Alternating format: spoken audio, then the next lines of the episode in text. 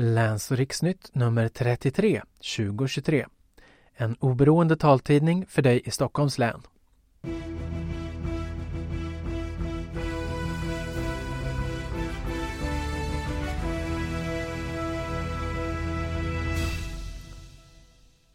Hej och välkommen! Läns och riksnytt är tillbaka efter en veckas höstuppehåll.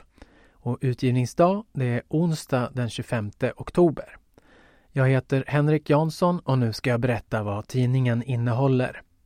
Inslag 1. Vi börjar med färdtjänst. Hur ser logistiken ut för tilldelning av bilar?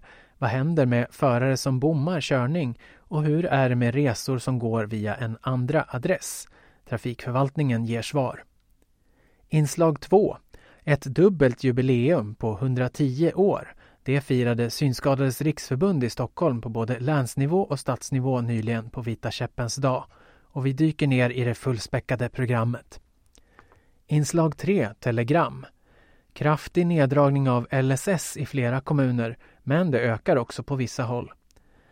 Genom att testa tidsuppfattningen kan man få hjälp att upptäcka demens, visar studie. Och så ser vi brittiska kronprinsparet avbildas när de spelar goalball. Inslag 4. Hur bygger en syntolk upp sitt arbete? Och hur skiljer det sig att syntolka film jämfört med att beskriva någonting direkt på plats? Vi träffar syntolk Per Lagergren i ett inslag som sändes första gången 2021. Inslag 5. Annonser och meddelanden.